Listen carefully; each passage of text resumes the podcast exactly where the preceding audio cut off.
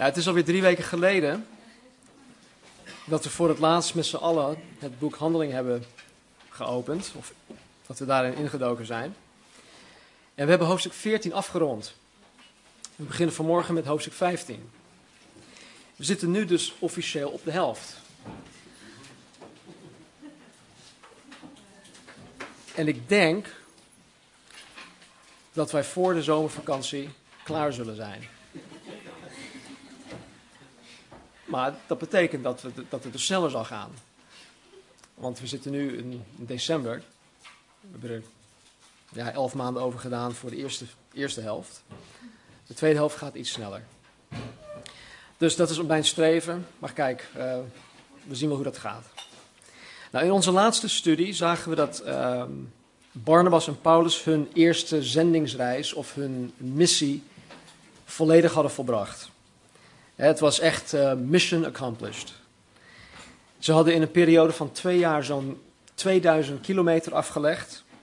Ze hadden diverse uh, gemeenten gesticht op verschillende plekken. Ze brachten het evangelie tot de niet-Joden, tot de heidenen. Dat zijn wij.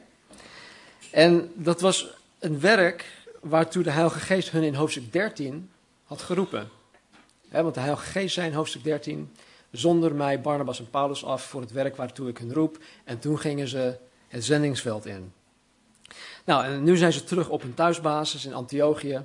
Ze vertelden over alle grote dingen die God met hen had gedaan. En zoals gebruikelijk bleven ze daar in de gemeente en ze onderwezen de mensen in het woord van God. Nou, zoals de uh, gemeente in Jeruzalem uh, headquarters, of het hoofdkwartier is geworden van de Joodse gemeente, was de gemeente in Antiochië het hoofdkwartier geworden voor de heidense gemeente, de niet-Joodse gemeente. En deze gemeente, die, die bruisde van het leven. Het werd, eh, het werd gekenmerkt door de bediening van onderwijs, van profetie. Ze genoten van toegewijde en sterke leiders. Ze hielden van Bijbelstudies en ze groeiden niet alleen in aantallen, maar nog belangrijker, ze groeiden in diepgang. Ze werden volwassen in hun geloof. Het ging goed met deze gemeente. Het ging lekker. Ja, de mensen waren enthousiast. Ze waren toegewijd, ze dienden elkaar. Ze waren getuigen, ze wandelden in de geest. Nou, kortom, deze gemeente in Antiochië was een gezonde gemeente. De liefde van Christus heerste daar ook.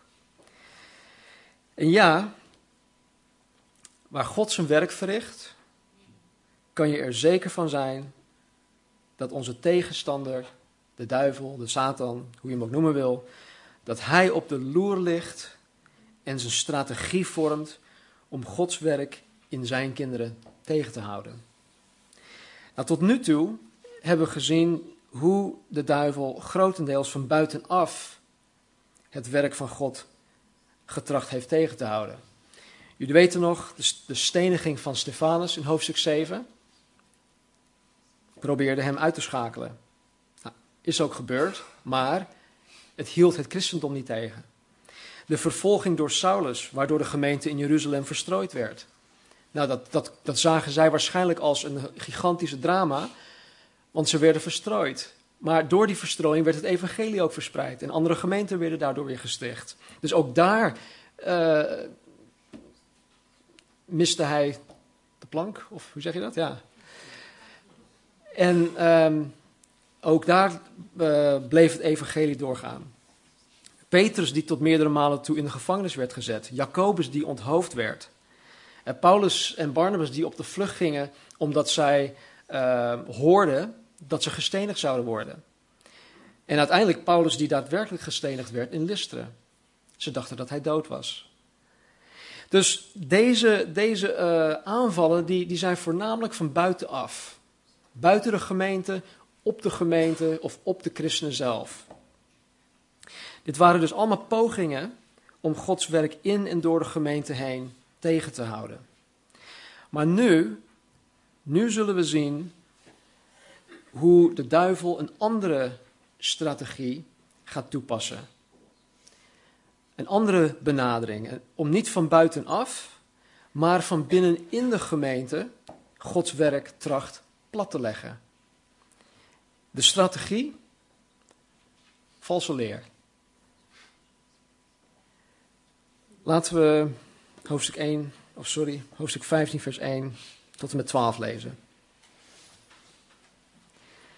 En enige die uit Judea gekomen waren, leerden de broeders: Als u niet besneden wordt volgens het gebruik van Mozes, kunt u niet zalig of kunt u niet gered worden.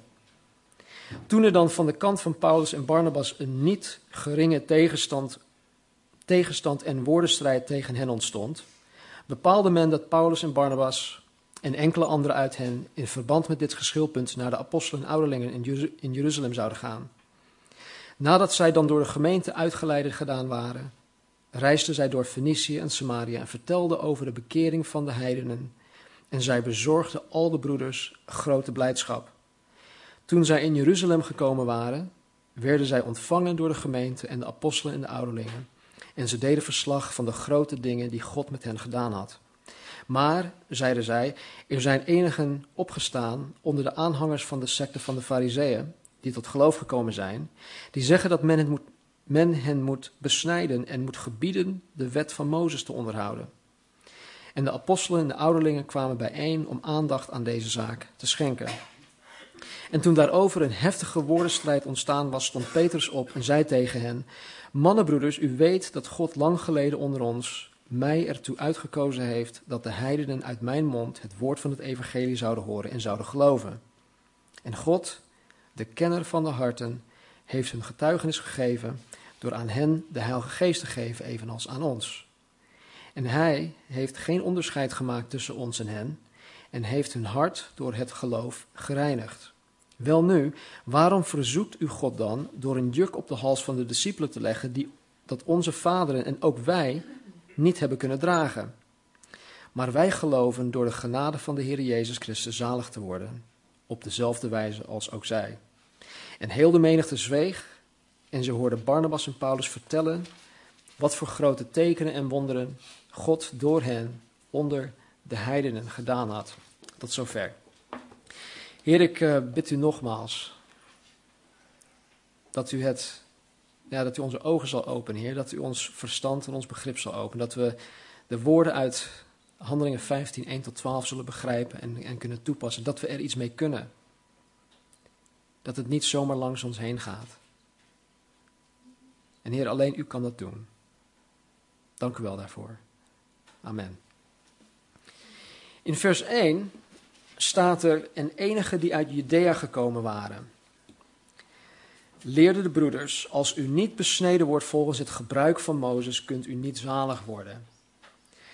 Nou, terwijl God daar in Antiochië op een geweldige wijze de heidenen had bereikt met het evangelie, kwamen er mensen uit Judea om roet in het eten te gooien. Nou, deze mensen uit Judea, uh, dat waren Joden die uh, de heidenen iets op wilden leggen, namelijk dat zij ook, ja, dat zij zich eerst bekeerden tot het Jodendom en dat ze dan pas een christen konden worden. Nou, deze mensen die heten Judaïsten. In het Engels zijn het de Judaizers en het Nederlands woord daarvoor is Judaïsten. Nou, ongetwijfeld beweerden zij, deze Judaïsten, dat zij met goedkeuring van de apostelen uit Jeruzalem naar hen toe waren gekomen misschien hadden ze wel gezegd uh, dat ze dikke maatjes waren met, met Petrus en Johannes en Jacobus. En ja, dat, dat brengt toch een bepaald gewicht met zich mee. Van joh, ik, uh, ik ken de apostelen persoonlijk, dus neem het van me aan. Nou, hoe dan ook, ze kwamen met de bedoeling om de heidense christenen iets op te leggen. En namelijk dat zij dus alleen gered konden worden als de mannen zich lieten besnijden, volgens de voorschriften van Mozes. Nou, deze besnijdenis, waarbij de voorhuid van jongetjes op hun achtste levensdag werd verwijderd, dat gold in het Oude Testament als het teken uh, van het verbond met God. Als men op oudere leeftijd het Joods geloof aannam, hè, zij bekeerden zich tot het Joods geloof, dan moest men ook besneden worden. Dus als ik op, op zekere dag, als ik nu zeg van ja, ik wil een Jood worden, dan moest ik, hè, als ik nog niet besneden was, dan moest ik me laten besnijden als volwassen man. Dus men kon aan aan jouw verwijderde voorhuid zien dat je God toebehoorde. Dat was, dat was het idee. Maar nu, in het Nieuw Testament, onder het nieuw verbond, door geloof in Jezus Christus, is het oude verbond komen te vervallen. Nu hoeft men niet meer besneden te worden om te bewijzen dat men God toebehoort. Nu is het feit dat ik vervuld ben met de Heilige Geest het bewijs dat ik God toebehoor. De Heilige Geest in mij is Gods eigendomstempel op mij. Eh, in een van de brieven zegt Paulus dat, de Heilige, dat wij verzegeld zijn met de Heilige Geest. Nou, die zegel is een, is een soort stempel die God op ons heeft geplaatst. Het is niet zichtbaar, althans het hoort wel zichtbaar te zijn, want het komt tot uiting in mijn leven, maar het is geen zichtbare stempel. Nou, Jezus is gekomen om de wet te vervullen. Hij is gekomen om het mij mogelijk te maken dat ik het eeuwig leven krijg, zonder dat ik me aan allerlei rituelen, allerlei reinigingswetten uh, en allerlei regeltjes hoef te houden. Ik kan het eeuwig leven gratis krijgen. Dat is genade, dat is het evangelie. Vers 2. Toen er dan van de kant van Paulus en Barnabas een niet geringe tegenstand en woordenstrijd tegen hen ontstond, bepaalde men dat Paulus en Barnabas en enkele anderen uit hen, in verband met dit geschilpunt, naar de apostelen en ouderlingen in Jeruzalem zouden gaan. Nou, omdat deze judaïsten met hun, hun voorwaarden het evangelie ontkrachten, ontstond er hevig verzet van Paulus en Barnabas. En logisch. Want het verzoeningswerk van Jezus Christus stond op het spel. Gods genade werd hierdoor ontkracht. Zij brachten als het ware het evangelie plus.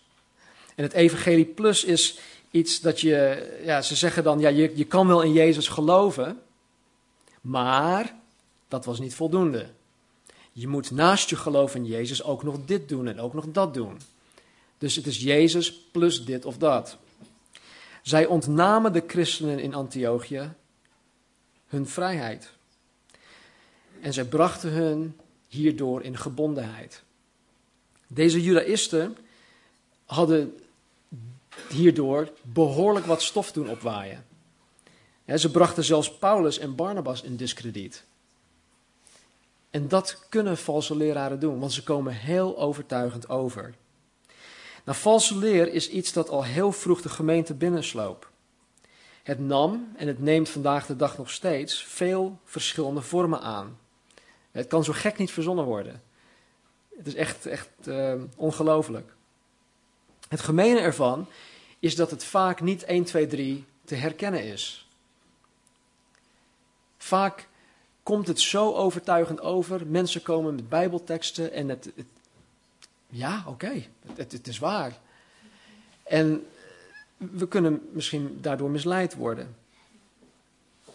Judas 4 zegt dat er sommige, sommige valse leraren binnengeslopen zijn. Ze zijn binnengeslopen. Hoe kan dat nou? Nou, als iets of iemand binnensluipt of erin sluipt, dan gaat dat onopgemerkt. Toch? Dat binnensluipen, je hebt het niet door. En dit kan in een plaatselijke gemeente gebeuren, maar het kan ook in je eigen leven gebeuren. Er kunnen dingen in ons eigen leven binnensluipen. Nou, als iemand zegt dat een, een valse leraar hier zou binnensluipen, dan zal hij niet binnenkomen met een petje van valse leraar of ik ben een uh, wolf in schapenkleding. Nee, ze zijn niet te herkennen. Pas als je, als je hun hoort spreken, pas als je hun hoort uh, ja, wat, wat, dingen met je delen en als ze je apart nemen van joh, ik, ik, ik wil iets met je delen, dan begin je wat dingetjes te horen en ja, zo, zo, zo gaan ze te werk. Nou, één voorbeeld, en er zijn meerdere, maar ik wil maar één voorbeeld noemen van valse leer die de gemeente heel gemakkelijk binnen kan sluipen, is, is wetticisme of, of legalisme. En dat zijn, eh, dat zijn woorden die we ja, niet in, in, ons dagelijks, uh, in, uh, elke dag gebruiken. Maar heel simpel uitgelegd, dat betekent dat mensen zeggen dat christenen zich aan allerlei wetjes en regeltjes moeten houden, anders zijn zij geen goede christen. Sterker nog, sommigen beweren dat als je je niet aan deze dingen houdt, dat je zelf helemaal geen christen bent. En wetticisme of legalisme is, is, is ja, het, sluipt naar binnen. Het, het, het is heel makkelijk eigenlijk. Ik ben er ook vatbaar voor. Dus het is belangrijk en het is zaak dat we ons houden aan, aan het woord en dat we echt afhankelijk zijn van God om ons zijn wil, zijn liefde, zijn genade te kunnen um, blijven, blijven kunnen zien. In uh, wetticisme of legalisme worden veel dingen geboden en verboden. je mag dat niet, je mag dit niet, je mag dit niet, je mag dat niet, je mag dit niet, je mag dat niet. Je mag heel veel niet en je moet ook heel veel. Dat is legalisme. En soms komt het in de vorm van, ja, maar als je dit niet doet, dan, ja, dan, dan, dan kan je de, verkeerde weg inslaan. Of ja, dan, uh, dan ga je van het rechte pad af. En de bedoeling hiervan is dat je dan zodanig. Um, um, ja, de Bijbel noemt dat geheiligd wordt. het heiligingsproces is iets dat God ook in ons bewerkstelligt. Dat, dat God ons van, van stap tot stap steeds meer um, heiligt. In die zin dat we steeds meer op Jezus Christus gaan lijken. Dat wij steeds meer apart gezet worden voor zijn werk en zijn taak. Dat we steeds minder de wereld in ons zullen krijgen. Dat we steeds meer op Christus gaan lijken. Nou, dat is een Bijbels iets en dat is hartstikke goed. Wij horen allemaal geheiligd te worden. We horen allemaal uh, ons, ons te, te houden aan, aan wat de Bijbel ons leert. Wij horen het woord te gehoorzamen. Maar sommigen, deze legalisten, deze, wet, deze wettische die gaan dan een stapje te ver. Want dan zeggen ze dat, dat je zodanig geheiligd moet worden dat je uiteindelijk als christen zondeloos zou kunnen leven. er is een hele beweging ontstaan die dit beweert. Dat wij als christenen geheel zondeloos zouden kunnen leven. Nou, het, probleem met deze misverstand van de Bijbel is dat wanneer ik dan tekortschiet stel dat ik die, die, die, um, die, die, um, die leerstelling toe-eigen. Het probleem daarmee is, is, is al, wanneer ik tekortschiet, wanneer ik zondig, wanneer ik faal, dat ik me zo ontzettend waardeloos voel. Dat ik me zo schuldig voel, dat ik me veroordeeld voel. Dat ik dan op een gegeven moment gewoon de moed opgeef. Want de moed zakt dan in mijn schoenen. Ik kan het toch niet doen. Ik kan niet voldoen aan die, die maatstaven. Dus wat doe ik? Ik gooi de handdoek in de ring en ik zeg: ik kap ermee. Mensen die in gebondenheid gebracht worden door wetticisme, leven altijd in verslagenheid wanneer ze het niet goed doen. Het gaat samen. Wetticisme, het niet goed doen, is verslagenheid. En dat is niet de bedoeling. God wil niet dat wij verslagen, gebogen onder een juk, onder een last, door het leven heen gaan. Hij zegt dat hij wil dat zijn vreugde, zijn blijdschap in ons is en dat, het, dat wij daar vol van zijn. En als wij gebukt door het leven gaan omdat wij zo'n gigantische last met ons meedragen, dan is er geen schijntje van vreugde of blijdschap hoor. Dan is er alleen maar verslagenheid. Aan de andere kant, wanneer iemand het wel goed doet, gaat dat gepaard met een zekere mate van arrogantie. Want, kijk hoe goed ik het doe. Ja, jullie, uh, ja, sorry hoor, maar die, die en die, die doet het niet zo goed. Kijk, kijk naar mij. Ik doe het juist wel goed. Kijk hoe goed en hoe heilig ik leef. Dus uh, wetticisme is uit den boze. Het is, het is niet van God. Wettische mensen kennen de genade van God niet. Het zijn ook geen plezierige mensen om mee om te gaan. Want ze klagen altijd over hoe anderen tekortschieten. Of ze scheppen op over zichzelf, over hoe goed ze het doen. Nou, daar heb je genoeg van in de wereld. Dat hebben we niet in de gemeente nodig. En daarvan heeft Jezus Christus ons ook bevrijd.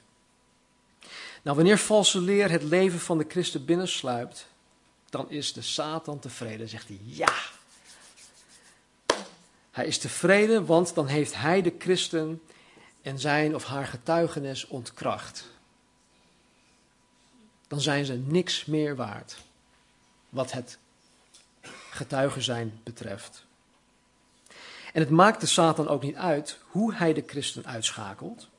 Het zij van buitenaf door verleidingen, of het zij van binnen in de gemeente door valse leer. Het resultaat is en blijft hetzelfde. Je krijgt een krachteloos, een verlamde, een uitgedoofde christen. En dan is hij blij. En Satan probeerde de gemeente in Antiochië te ontkrachten, te verlammen, uit te doven, door deze judaïsten te gebruiken om valse leer binnen te laten sluipen. Maar prijs de Heer voor sterke, standvastige, trouwe leiders in die gemeente die dat niet zomaar pikten. Want Paulus was, ja, was niet iemand die, uh, die echt hoog zeg maar, in het vaandel stond bij de apostelen en de mensen in, in Jeruzalem. Want hij heeft daar heel veel schade veroorzaakt in de gemeente. Dus ze hadden hun twijfels misschien nog over Paulus. Nou, Barnabas was een ander verhaal. Maar ja, als, als, als mensen van. Uh, stel dat mensen nu komen van, van Costa Mesa. Ze zeggen: Joh, ik ben hier in de naam van Chuck Smith gekomen. Chuck Smith is de oprichter van Calvary Chapel. En dan komen ze met dingen. En als ik niet stevig in mijn schoenen sta, mijn geestelijke schoenen. Als ik jullie niet om me heen heb die zeggen van Stan, zo is het en zo hoort het. Dan zou het misschien ook heel overtuigend bij mij overkomen van ja, uiteindelijk zijn ze toch van Costa gekomen, bla bla bla.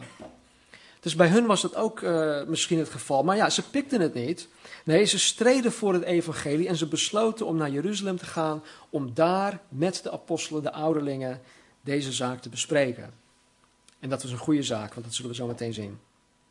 Nou, nadat zij dan door de gemeente, vers 3, sorry. Nadat zij dan door de gemeente uitgeleide gedaan waren, reisden zij door Fenicië, Samaria, vertelden over de bekering van de heidenen. En zij bezorgden al de broeders grote blijdschap. Nou, hier zien we dus dat Paulus en Barnabas meteen gebruik maakten van de gelegenheid om de kerken te bezoeken die zij onderweg tegen zijn gekomen. Vers 4. Toen zij in Jeruzalem gekomen waren, werden zij ontvangen door de gemeente en de apostelen en de ouderlingen. En ze deden verslag van de grote dingen die God met hen gedaan had.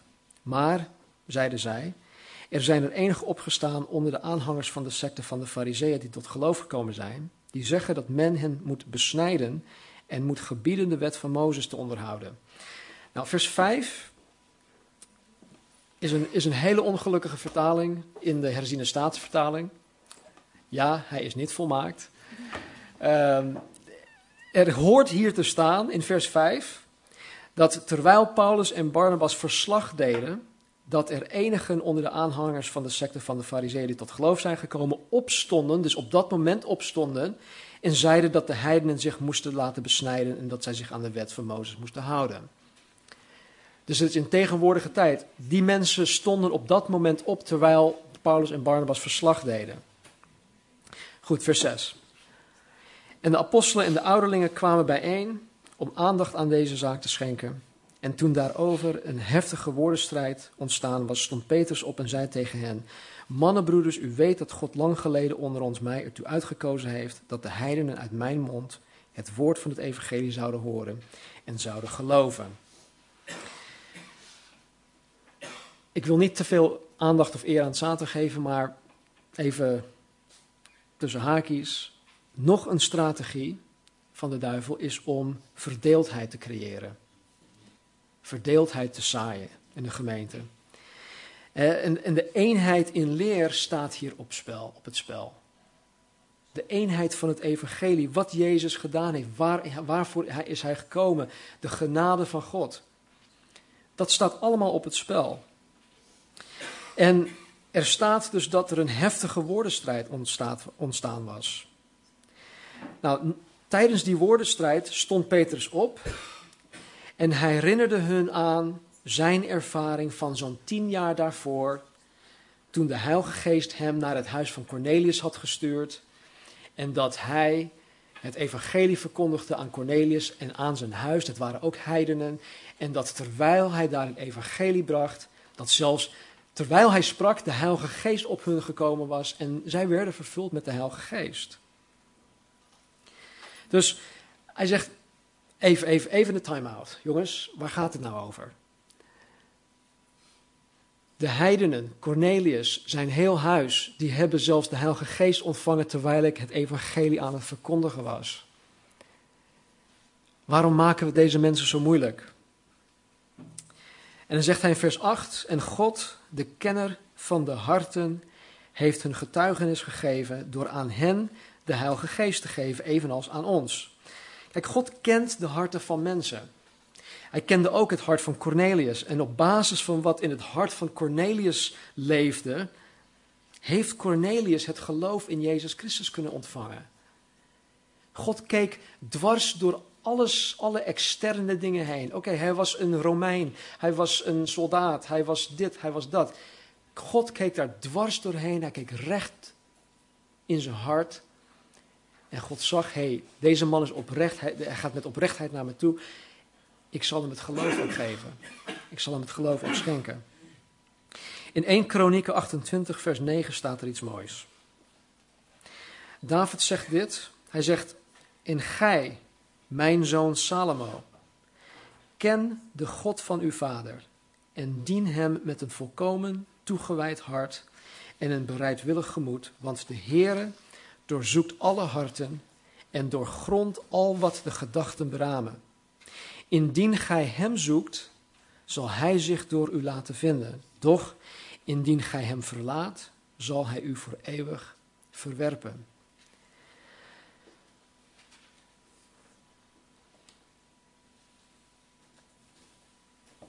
Petrus haalt hier in dit stukje aan, en dat zei ik zo net ook al, dat God niet naar het uiterlijke kijkt, maar hij kijkt naar het hart.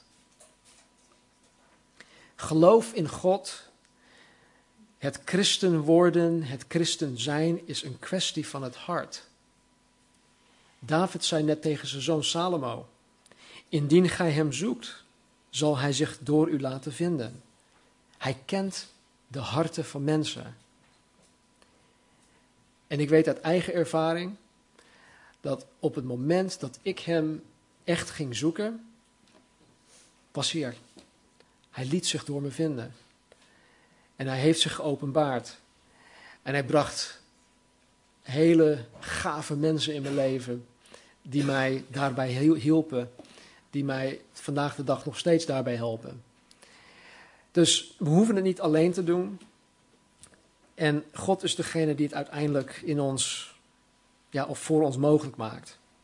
En dan zegt hij in vers 9: En hij, God, heeft geen onderscheid gemaakt tussen ons en hen dus tussen de Joden en de heidenen, en heeft hun hart door het geloof gereinigd. Hij spreekt weer over het hart. God maakt geen onderscheid tussen mensen.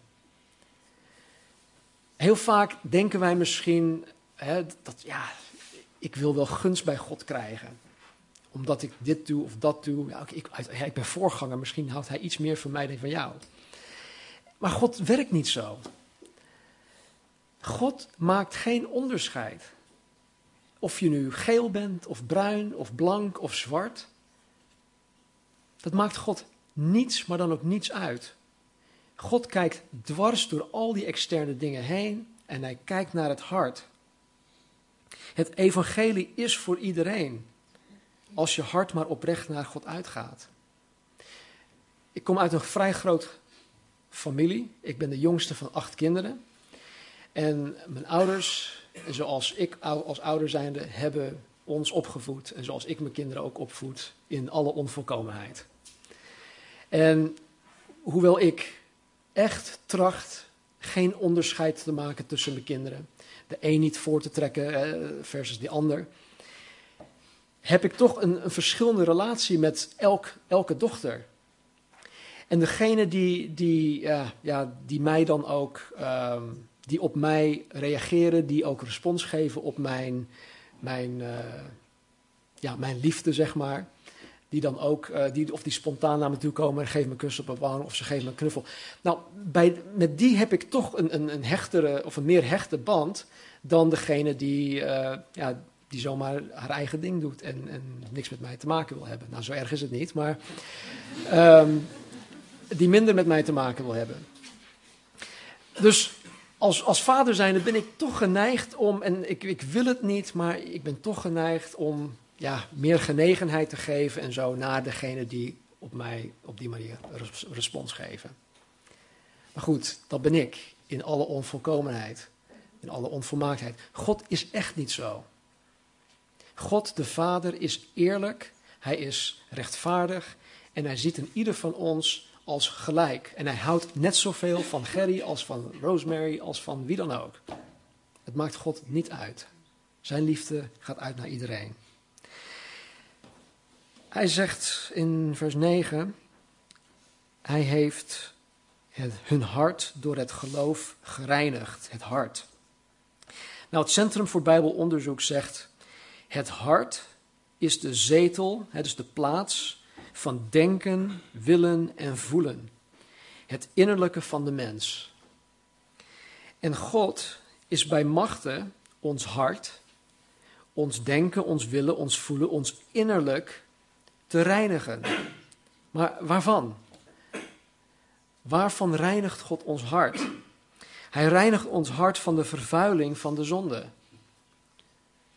Zonde besmet ons, het, het bezoedelt ons, ons hart. Het reinigt ons van de schuld van zonde. Het reinigt ons geweten ook van de schuldgevoelens die gepaard gaan met zonde.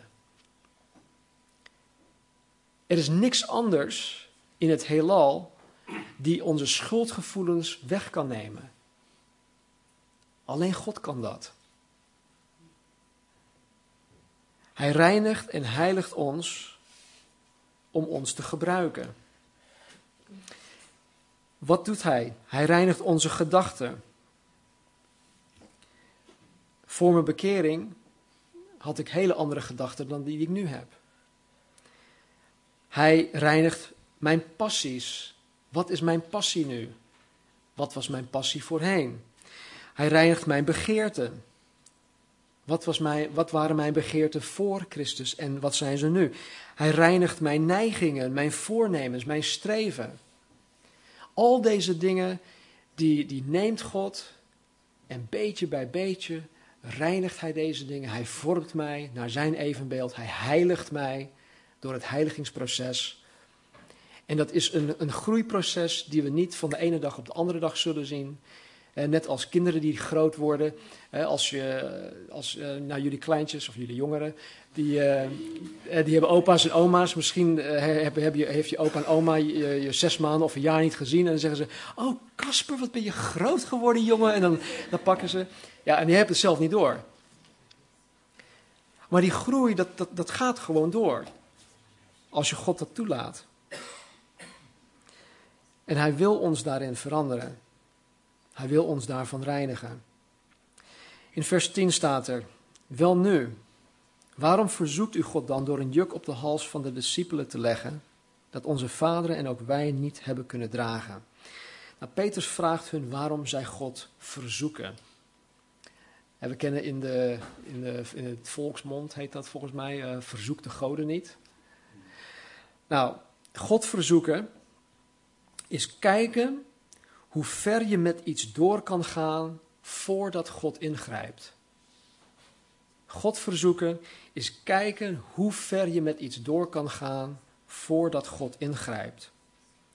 Nou, het blijkt dat deze Judaïsten net zo lang doorgegaan zijn totdat God op dit moment ingreep om daar een eind aan te maken. Mensen stellen mij soms de vraag. En ik, ja, een beetje, het is, het is een, ja, van hun kant is het dan wel een eerlijke vraag, maar als ik, als ik al weet waar ze naartoe willen gaan, dan moet, dan moet, ik, uh, dan moet ik lachen. Want mensen stellen me soms de vraag hoe ver zij met iets kunnen gaan zonder dat het zonde is. Met andere woorden, ja, tot hoe ver kan ik gaan? Hè? Tot hoe dicht aan die rand kan ik gaan uh, voordat, uh, voordat, voordat ik zondig? Soms komt die vraag in de vorm van: wat bedoelt de Bijbel nou precies met seks voor het huwelijk? Hoe ver kan ik gaan voordat ik me schuldig maak aan, aan hoererij, zoals de Bijbel dat noemt? Nou, hoererij, als, als je dat woord hoort, dan denk je misschien aan de roze buurt. Maar hoererij komt van een, Grieks woord dat, dat heet pornea. En pornea is een veel breder woord en dat betekent eigenlijk alle seks, alle vormen van seks buiten het huwelijk. Of het nu voor het huwelijk is of buiten het huwelijk, pornea, hoererij, dat is het. En mensen vragen dan, ja, hoe, wat, wat, wat betekent, wat bedoelt de Bijbel nou met seks? En als ze heel vrijmoedig zijn, dan noemen ze zelf bepaalde handelingen. En zeggen, is, is dat seks? Of is dat, kan ik dat wel doen? En dit, ja, ik, ik, ik, ik soms echt lachen. Maar wat ik tegen mijn meiden als ook altijd zeg, ik vraag hun, en dat heb ik van kleins af aan al geleerd, dames, hoe wordt een meisje zwanger? Door te zoenen. Hè? Door te zoenen? Ja, door te zoenen. Want het een leidt naar het ander en naar het ander en noem maar op. Nou, ik ga er niet verder op in, maar jullie begrijpen me volgens mij.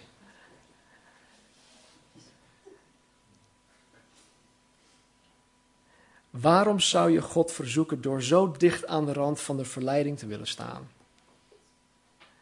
Is het niet beter om zo ver mogelijk van die verleiding weg te blijven? Lees in Genesis het verhaal van Jozef. Een jongeman met passie, in the prime of his life, kwam met verleiding in aanraking. Wat deed hij? Hij rende ervan weg. Dat is wijsheid. Het jammer ervan is dat ze vervolgens toch hun eigen ding gaan doen. En dan spelen ze met de verleiding, ze gaan de fout in, ze maken zich schuldig aan een zondig levensstijl en denken dat God het allemaal maar goed vindt. Waarom? Omdat God het toelaat. Omdat God niet meteen ingrijpt. Maar de Bijbel zegt dit in Galaten 6, 7 en 8. Paulus zegt: Misleid uzelf niet. God laat niet met zich spotten. Want wat de mens zaait, zal hij ook oogsten. Want wie in zijn eigen vlees zaait, zal uit het vlees verderf oogsten. Maar wie in de geest zaait, zal uit de geest het eeuwige leven oogsten. Met andere woorden, als ik Gods woord negeer en ik mijn eigen gang ga, mijn eigen ding doe, dan zijn de consequenties voor mij om te dragen. Punt uit. Als ik, hè, stel, ik ben getrouwd met een geweldige vrouw. Stel dat ik overspel pleeg. Dan zijn de consequenties voor mij. De consequenties zouden kunnen zijn: ik raak mijn vrouw kwijt, mijn huis, mijn kinderen, mijn bediening. Al die dingen die, die, die zou ik kwijt kunnen raken. Ik zou andere mensen daarmee kwetsen. En niet alleen mijn vrouw. Dit, dit heeft een ripple effect. Dat, heeft een impact op, op heel veel mensen. En dan, dan is mijn hele leven als het ware verwoest. Wat zou ik dan nog kunnen doen? En ja, dan zijn de consequenties voor mij om te dragen. Maar er zijn ook consequenties voor andere mensen. En um, als, ja, hoe zeg ik dit?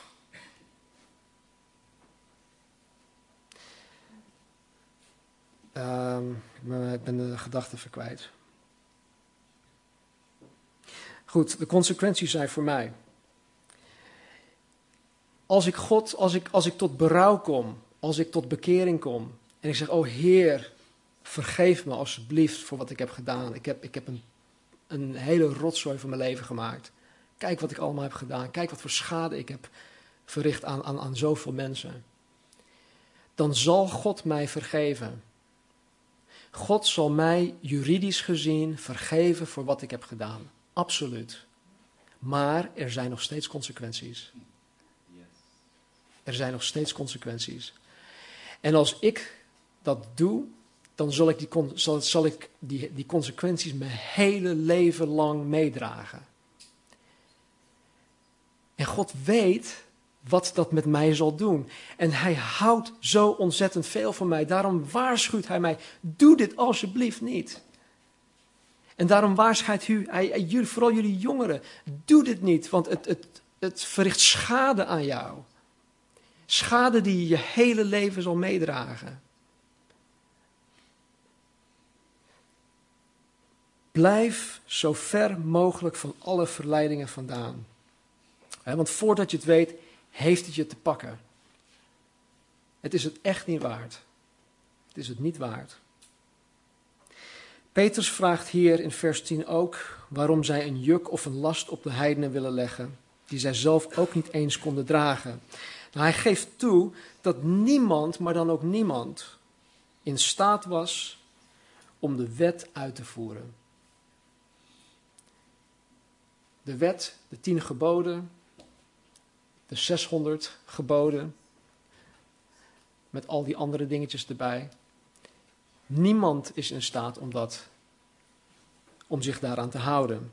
En daarom zegt Paulus ook, de wet was een soort schoolmeester voor ons om, om tot het besef te komen van, joh, ik kan niks doen om God te behagen. Ik heb iemand nodig die, die mij daarbij helpt. En het is net zoals uh, stel dat God zegt: Oké, jij, wil jij wil toegang krijgen tot de hemel, je wil eeuwig leven krijgen.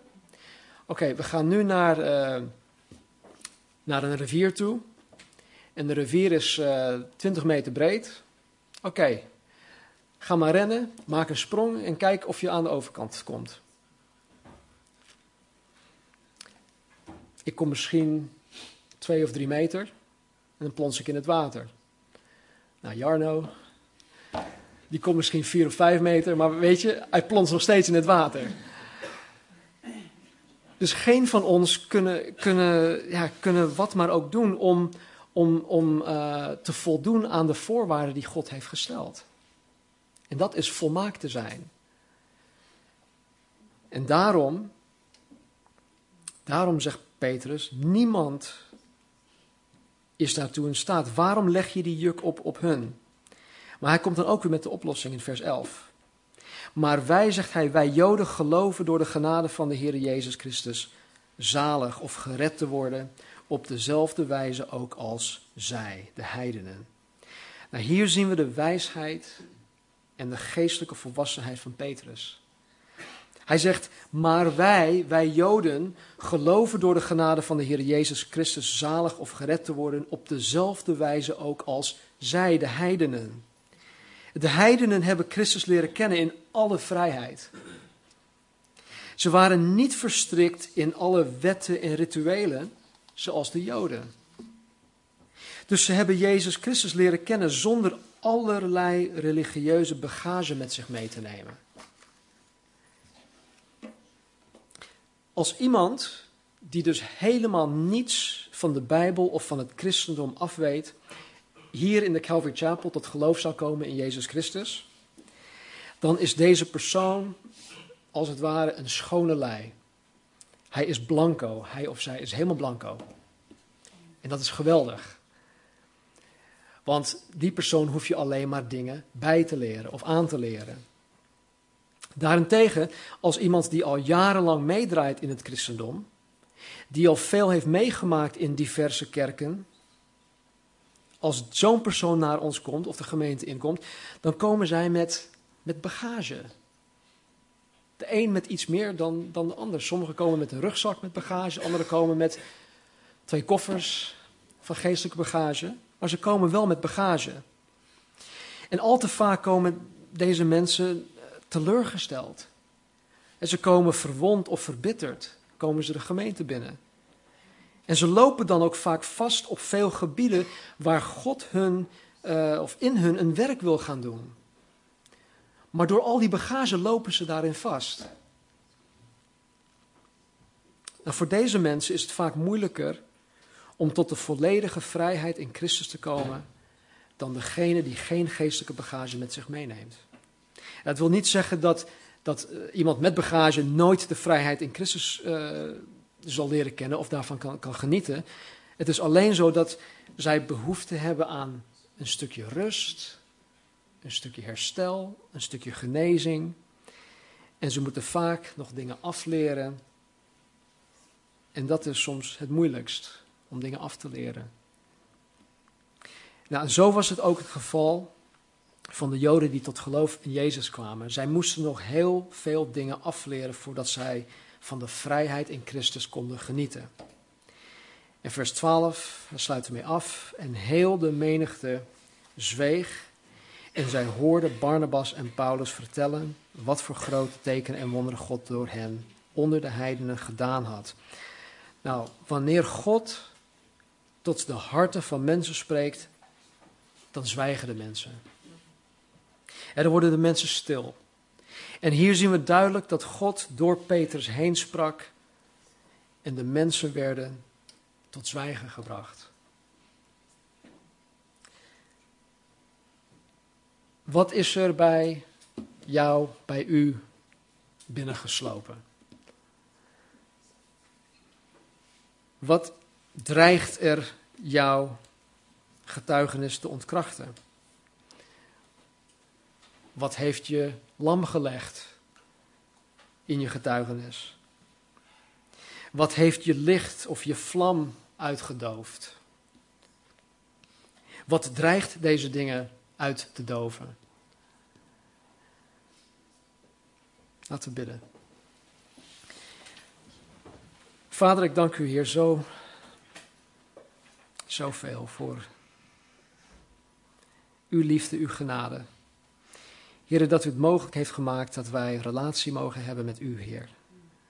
Met de Vader, met Schepper van hemel en aarde. En dat u het ons niet moeilijk wil maken. Heer, dat u ons geen juk op wil leggen van allerlei moedjes en regeltjes en geboden en verboden. Maar Heer, dat u, dat u ons de genade heeft geschonken. En Heer, de genade is iets dat wij niet kunnen verdienen, dat wij überhaupt niet verdiend hebben, maar het is een, een geschenk, Heer. U geeft het aan ons. En Heer, ik bid voor een ieder. Heer, die zich misschien waardeloos voelt, die zich schuldig voelt, die zich veroordeeld voelt.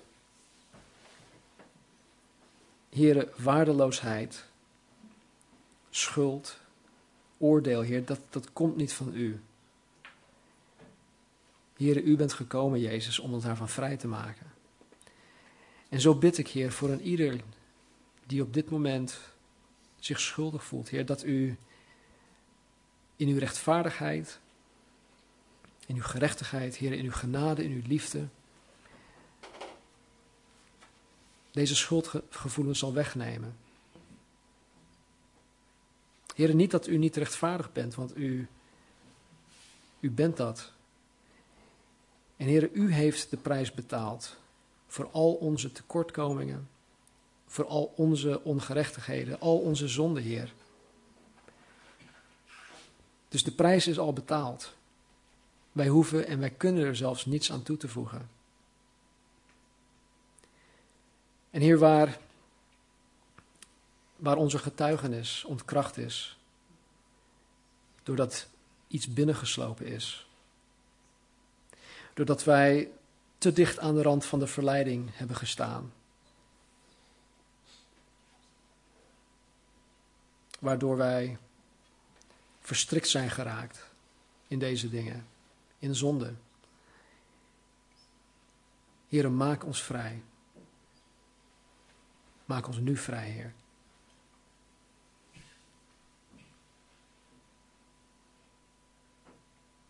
En Heer, misschien waar zondig, zonde um, beleden moet worden. Spreek, Heer, tot onze harten.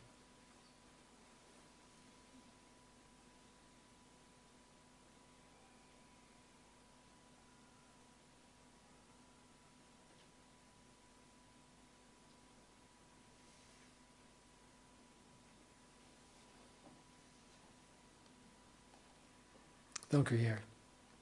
Dank u, Jezus. U bent zo geweldig goed voor ons. Help ons u beter te leren kennen. Heren, want het is niet uit verplichting, maar het is uit een liefderelatie, heren, dat we u willen gehoorzamen. En Heer, mogen wij iets meer van dat vandaag begrijpen en toe-eigenen. En Heere, hou de duivel ver van ons weg, Heere, want hij wil het van ons afnemen, die vrijheid. Dank u, Heer. We houden van u. Amen.